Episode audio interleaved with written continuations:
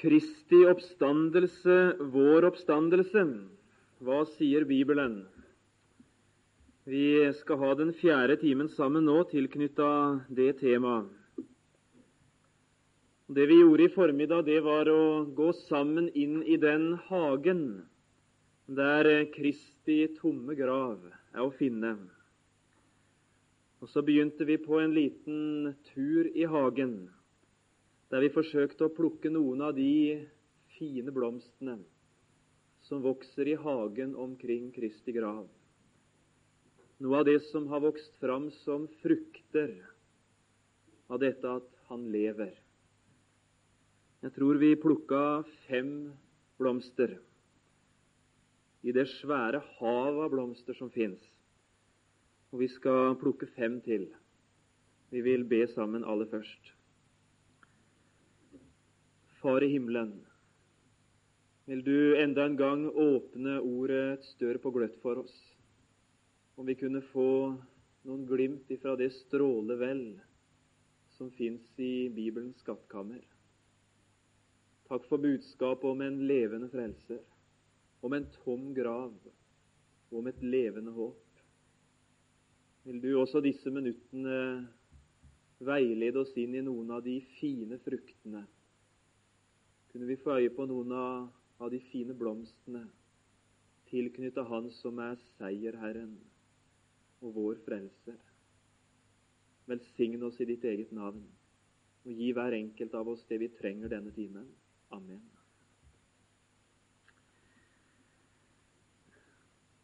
Bare som en veldig kort Eh, repetisjon for dere som ikke var på timen i formiddag, så har jeg lyst til å nevne de fem første følgene av Kristi oppstandelse som vi forsøkte å peke på ut ifra Bibelen.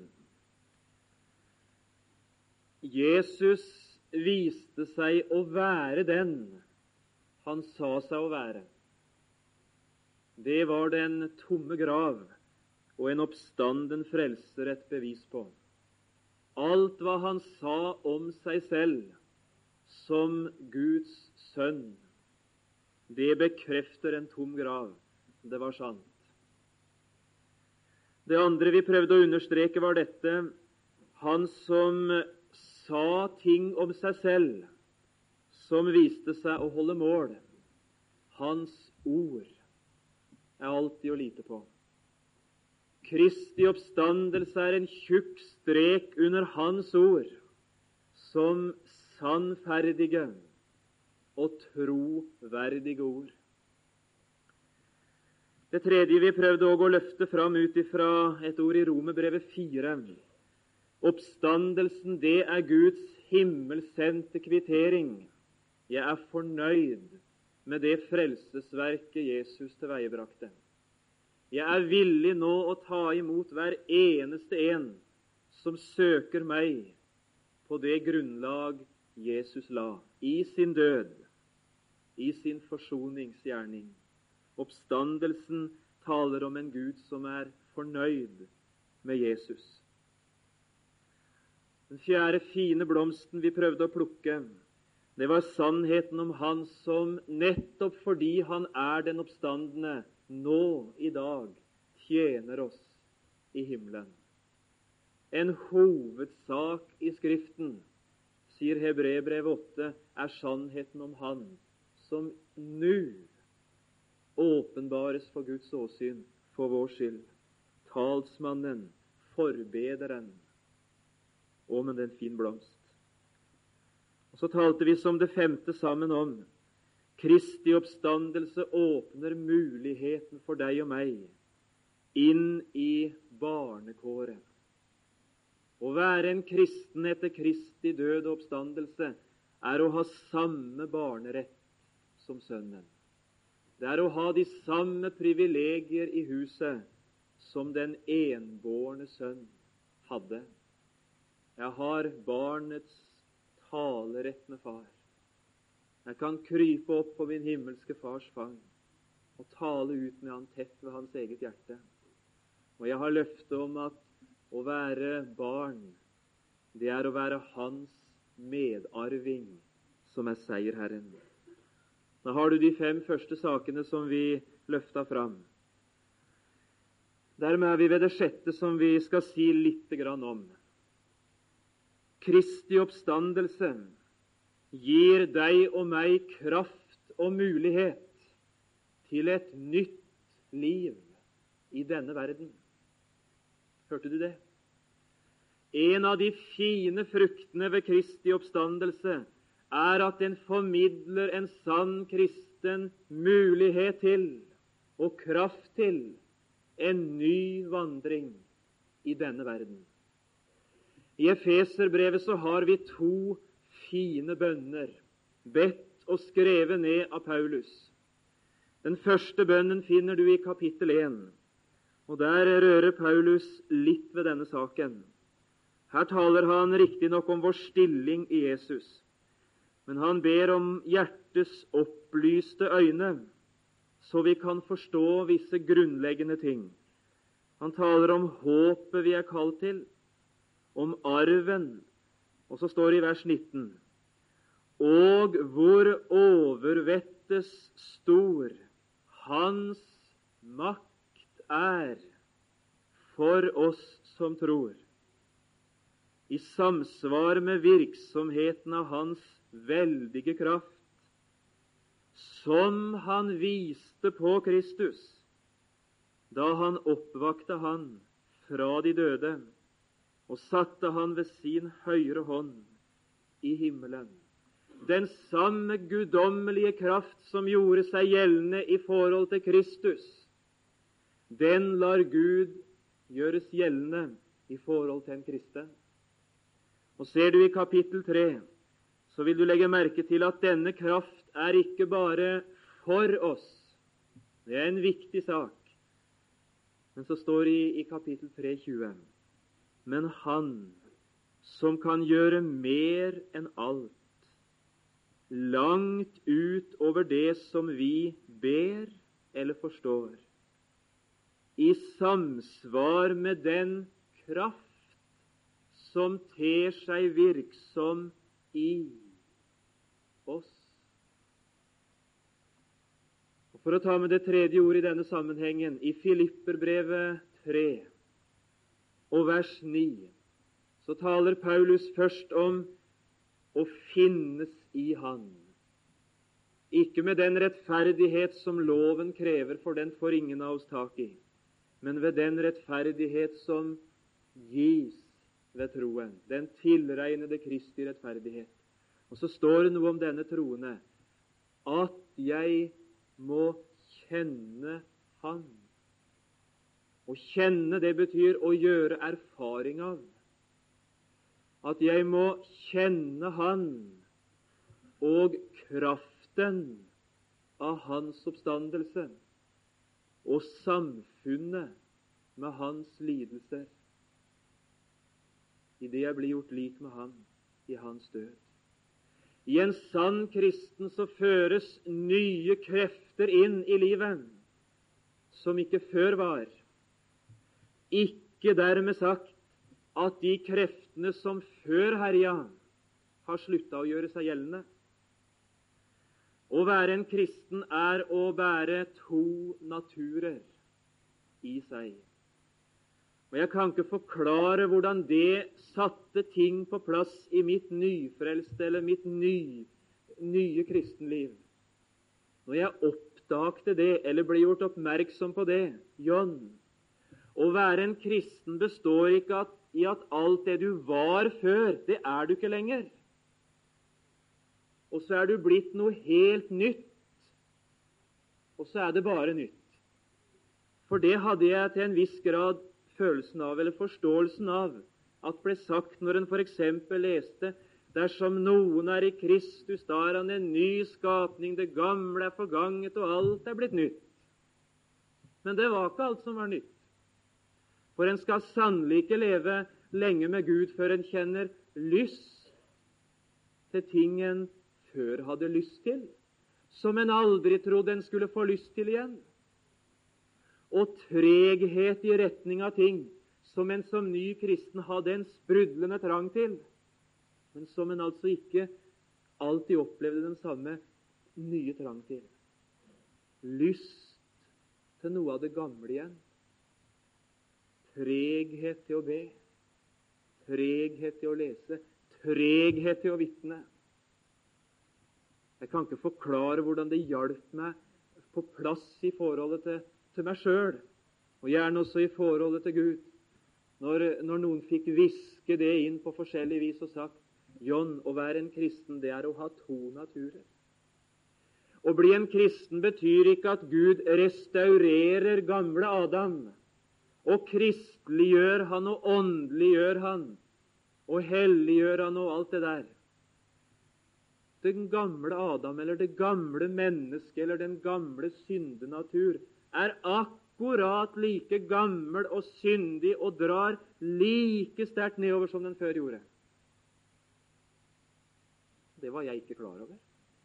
Derfor tenkte jeg ofte kan jeg virkelig være en skikkelig kristen som kjenner på sånn ulyst til gode ting, sjøl om jeg vet det er riktig, og som tar meg sjøl i lyst til ting jeg endog vet er gærent. Går an å være en kristen og ha det sånn? Å være en kristen er å ha fått del i noe ved siden av det gamle guddommelig natur. Og like forgifta, fæl og syndig som det gamle er, like guddommelig reint og fint er det nye som er nedlagt i en kristens liv ved troen. Guddommelig natur. Ånden begjærer imot kjødet, og kjødet imot ånden. Disse to står hverandre imot. Om kjødet så står det altså om det gamle mennesket. Det er ikke Guds lov lydig, kan heller ikke være det. Å være en kristen, det er å leve i spenningen. Det er å leve i spenningsfeltet der kreftene fra to verdener gjør seg gjeldende. Tyngdekreftene fra den natur som er alliert med Satan, de bor i meg, og de bor i deg. Men her er andre krefter som er beslekta med det guddommelige. Kristi oppstandelse gir en kristen mulighet til å nå noen vei i sin vandring, fordi guddommelige krefter bor, virker, ter seg virksom i en kristen. Kona mi hun tusla ut av døra der for fem minutter siden. Hun skal til Helganes og fly til Oslo om en drøy halvtime. En kunne jo tenke at når en ser et sånt SAS-fly seile over åker det gjør vel det en gang iblant, at på et sånt fly virker ingen tyngdekraft. For ellers hadde det jo dette ned. Tyngdekraften må være oppheva på et SAS-fly siden det er i stand til å ta med både kona mi og en hel del andre fra Helganes og trygt fram helt til Fornebu. Så der kan ingen tyngdekraft virke. Det er bare det at tyngdekraften virker. Like sterkt på fly, iallfall omtrent like sterkt, når det er i lufta som når det står på bakken. Det er bare det, ser du. At det er noe annet som virker i dette flyet det opphever ikke tyngdekraften, for den er akkurat like sterk. Og allikevel så får det SAS-flyet opp fra Helganes og helt til Fornebu på 35 minutter. Å være en kristen er å være under påvirkning av de samme krefter. Det er å være i kontakt med den samme kraftkilde som viste seg virksom da Kristus oppsto. Og denne kraft opp opphever ikke syndenaturens tyngdekrefter, men er i en viss grad i stand til å oppheve noen av virkningene av dem.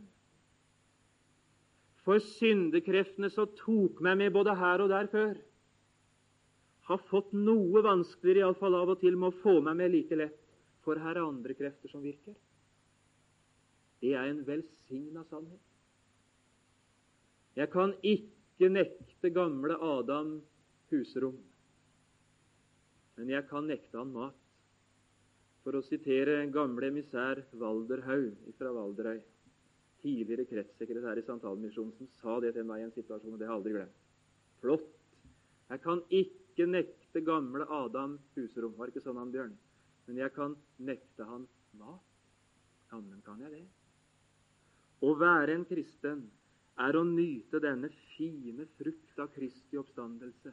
Her er nye krefter som gjør seg virksom i mitt liv under vandringen. Ikke som de eneste kreftene.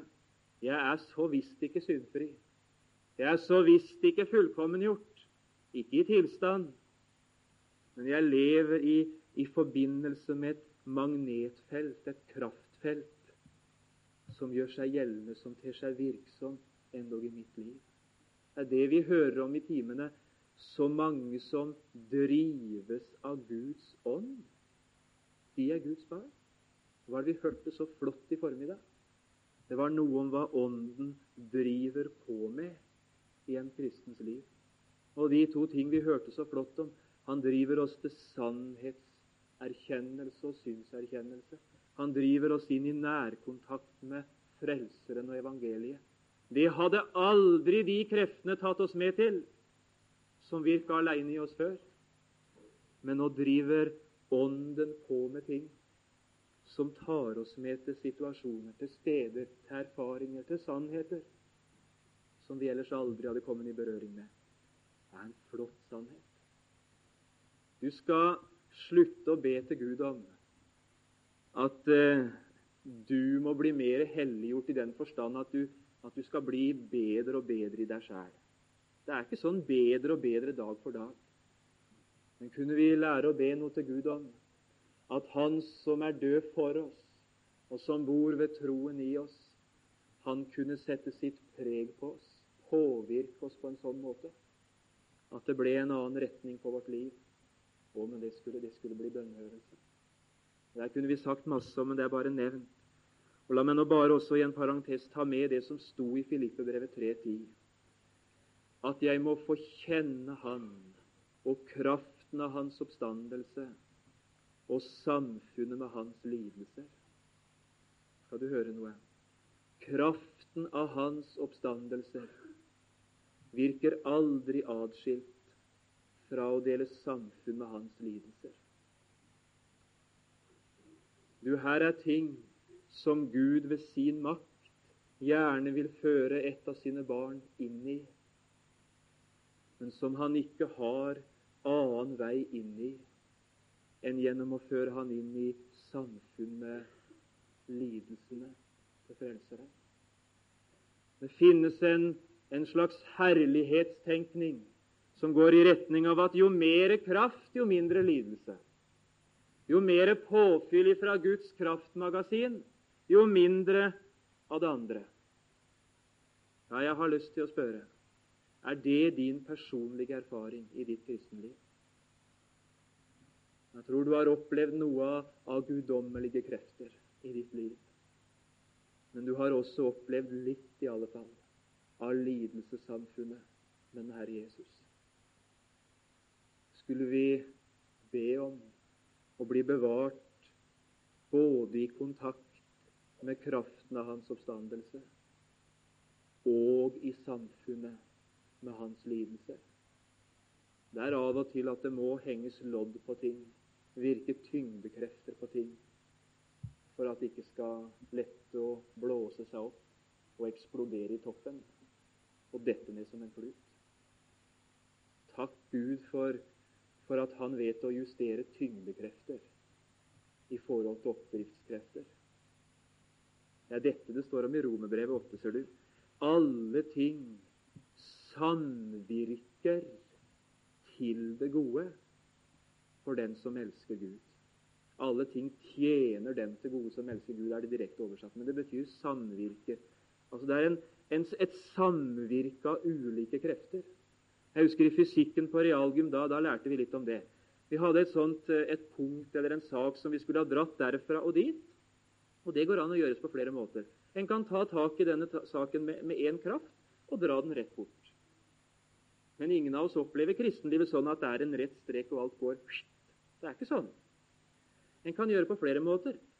En kan, en kan ta to snorer, og så kan en dra noe i den retningen påføre en viss kraft sånn, og så kan en ta en snor den veien, og så kan en dra noe i den veien. Og hvis disse to kreftene virker i avbalansert forhold til hverandre, så drar jeg hele saken til det samme mål. Sånn foregår kristenlivet. Her er krefter i oss som har retning ned. Og her er krefter som virker på oss, som har retning opp. Alle ting samvirker til det gode for den som elsker Gud. Ikke dermed sagt at alle ting er godt, eller at alt en kristen opplever, er godt. Nei, men om det er Vi må ikke kalle det vonde godt. Men det kan samvirke til, tjene til, føre oss i retning av det gode. Og det gode, det er det som er i samsvar med det Gud har tenkt, og ikke alltid i samsvar med hva jeg synes om. Jo, vi har fått mulighet til og kraft til å leve et nytt liv. Og les Romerbrevet 6, et vanskelig kapittel, men et fenomenalt kapittel.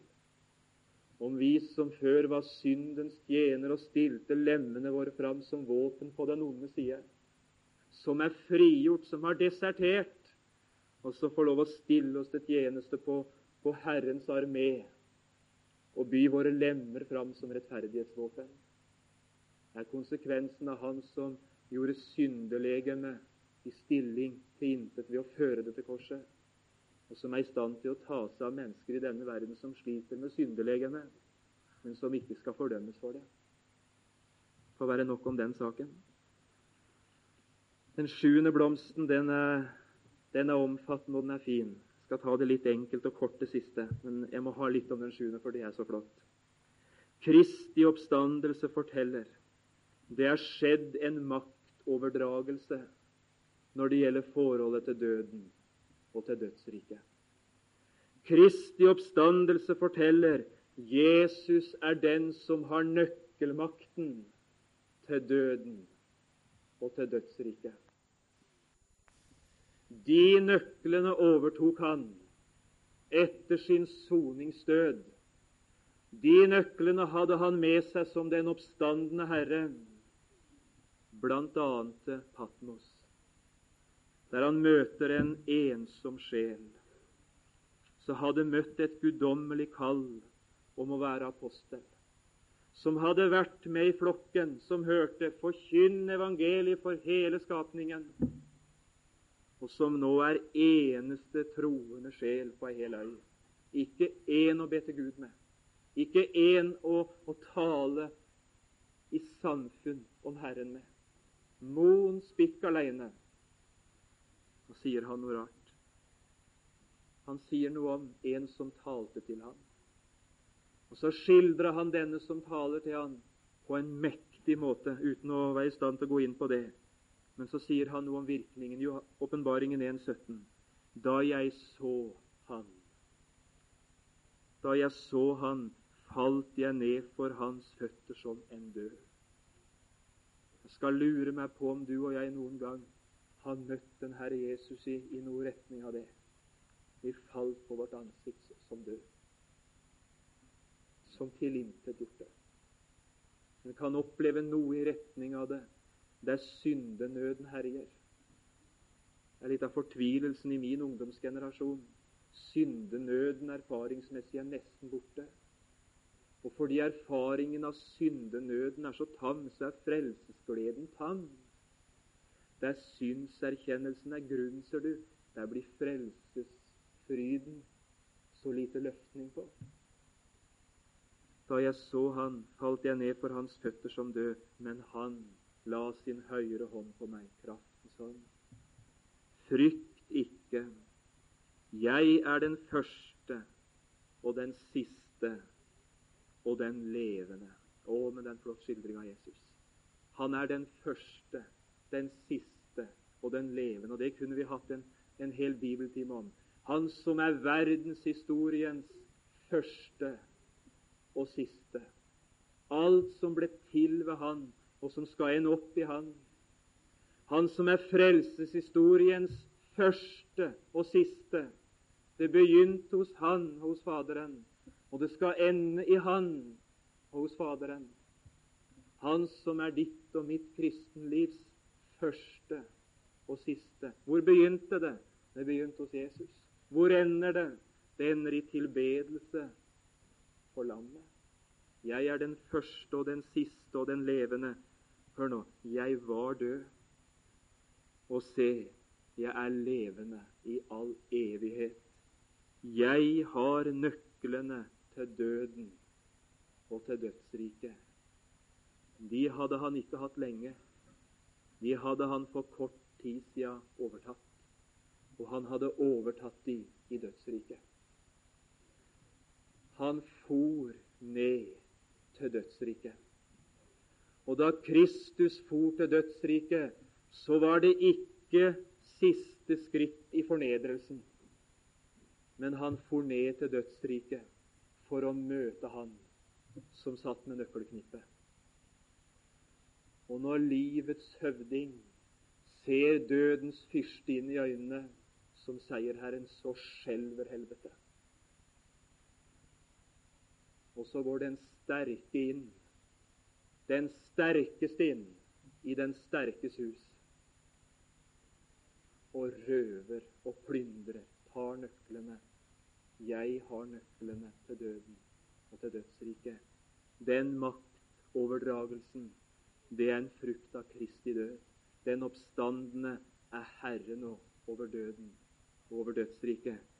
Hvis du skal ha et ord, så kunne du notere deg Hebrebrevet 2, for dette skildres så fint. Her tales det om Han som har dødens velde. 2.14 i Hebreerne.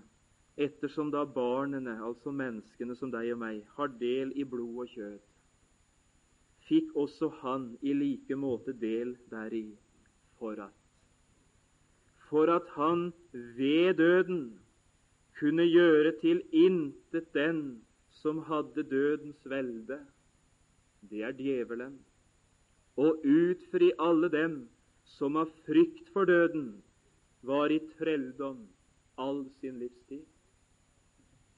Dødens makt, dødens velde, han som satt med nøklene til den forferdelige fengselsmuren, var Satan. Vel utstyrt var han. I 1. Korinterbrev 15 så skildres han på en måte i en, i en våpenutstyring så er, så er nokså nifs. 1. kor 15, 56. Men dødens brodd er synden, og syndens kraft er loven. Her ser jeg for meg en, en skikkelig kjempe med spyd i hånd. Og spydet, det er døden. Det har en brodd. Og det som gjør at, at dødsbydet trenger igjennom, det er at brodden heter synden, og vi syndet alle. Og det som gir han som bærer dødsbydet, han som har dødens velde, det som gir det kraft, det er loven. Synd er lovbrudd. Her står han fyrsten med dødsbydet. Her står han som regjerer over fengselsmurene, og som bærer nøklene. Og så avvæpnes han av en som led døden, som satte livet til og tok dødens straff i stedet for syndere.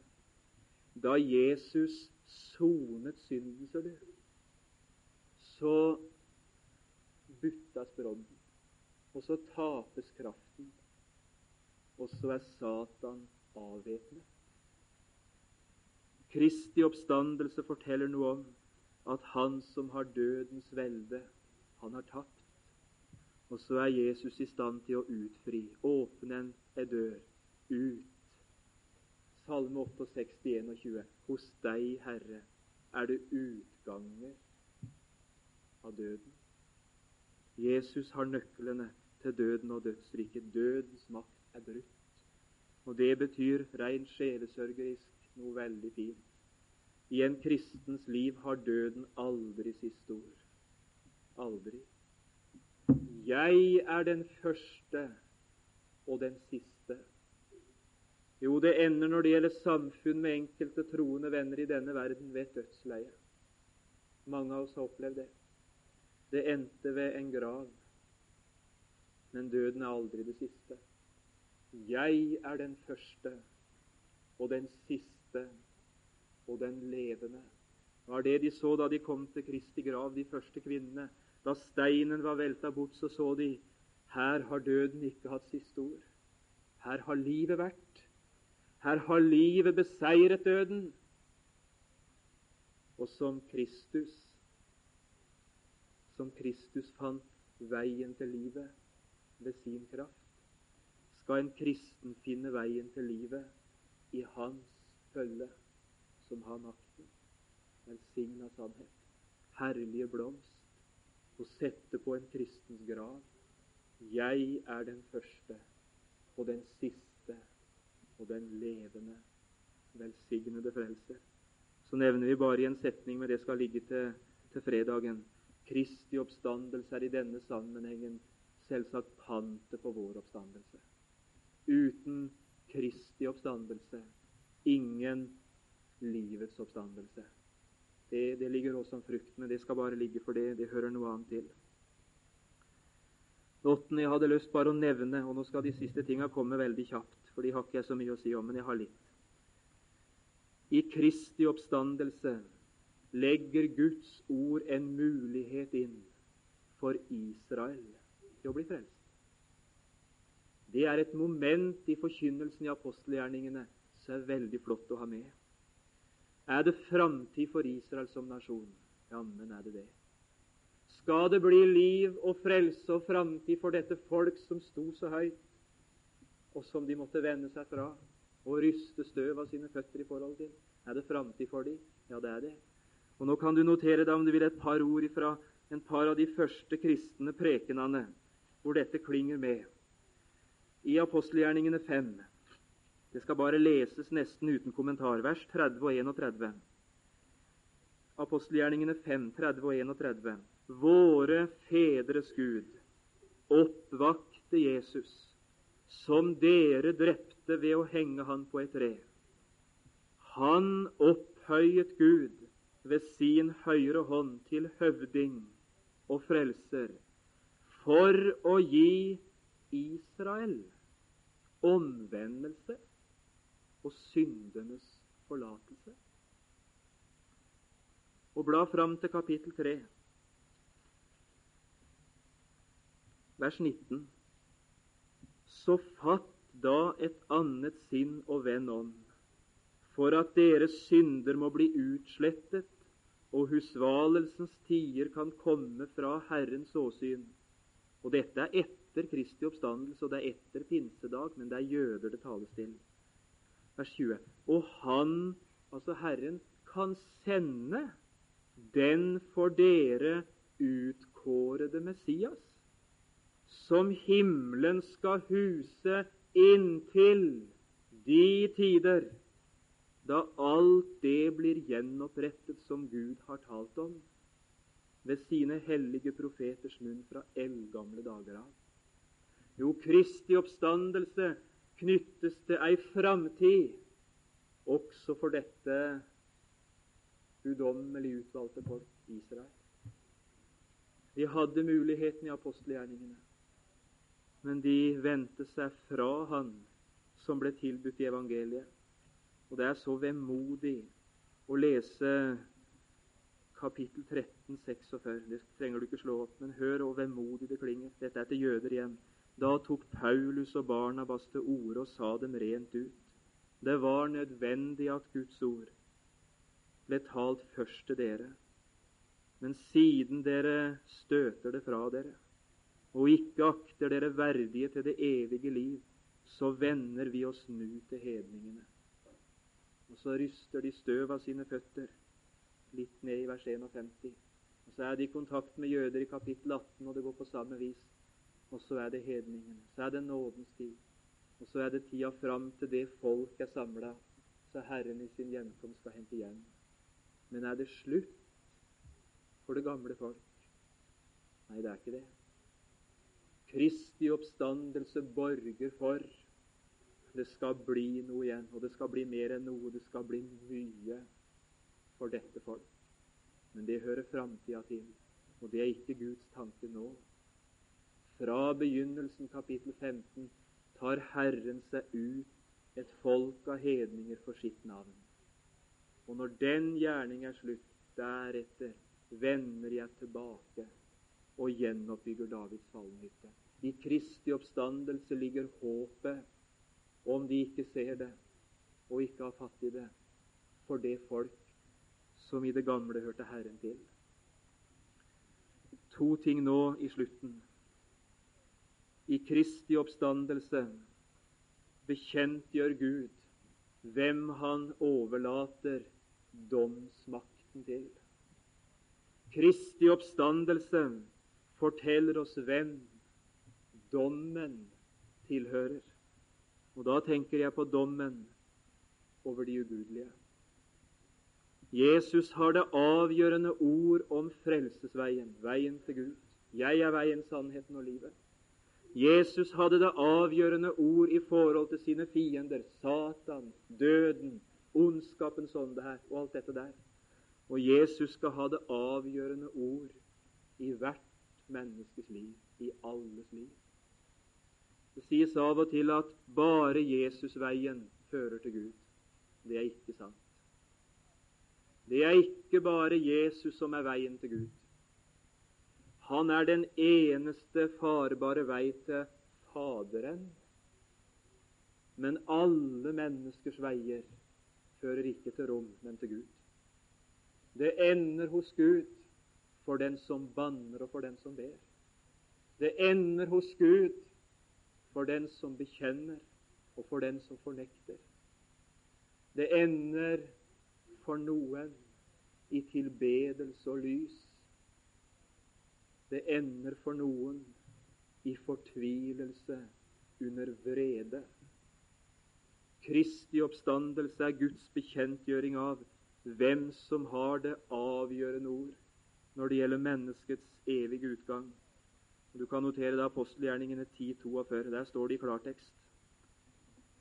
Han, Herren, bød oss å forkynne for folket og vitne at Han, Kristus, er den som av Gud er bestemt til å være dommer over levende og døde.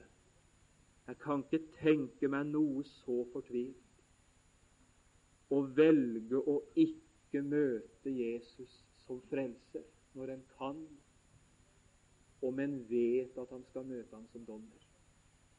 Jeg kan ikke tenke meg et mer fortvilt gærent valg.